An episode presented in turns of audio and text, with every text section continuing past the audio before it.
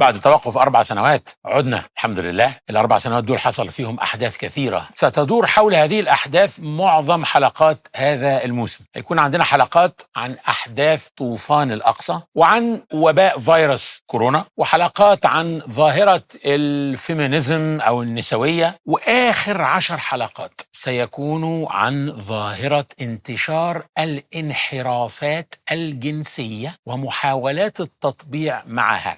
أقصد بها الانحرافات الجنسية والشذوذ.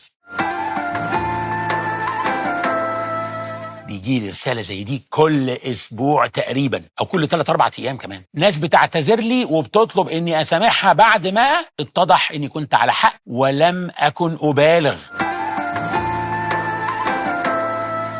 الغزو الأقوى الآن هو الغزو الأيديولوجي والفكري والثقافي. هدفه الأساسي هو تغيير هوية المجتمعات. انتشار الإلحاد انتشار الشذوذ انتشار الأفكار النسوية المتطرفة هو ده التحدي الجديد هو ده غزو العالم الإسلامي اللي بيتم الآن. فهل نقعد نولول ونلطم ونقول إحنا أصبحنا في آخر الزمان والقيامة على وشك أن تقوم؟ ولا ناخدها من قصرها ونحترم نفسنا ونصبح إحنا الجيل المحترم اللي هيدفعهم ويندفعوا زي ما أجدادنا هزموا الغزاة. عسكريا إحنا نحارب هذه الانحرافات الفكرية والأيديولوجية ونهزمهم.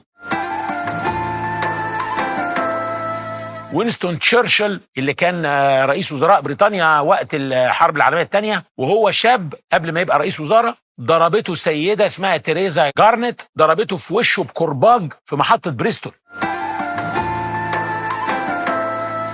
هل تدين ما فعلته حماس يوم 7 أكتوبر؟ قلت له سأدين؟ قال لي يعني أنت بتدين؟ قلت له لا سأدين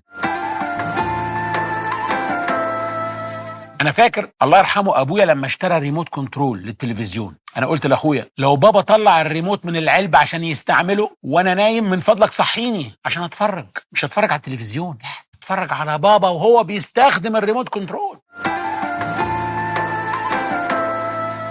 اوعوا تفتكروا إن الإسلام مش قادر إلا فقط على حماية نفسه من هذه الأيديولوجيات. لا الإسلام قادر على هزيمة كل هذه الأيديولوجيات وقتلها تماما.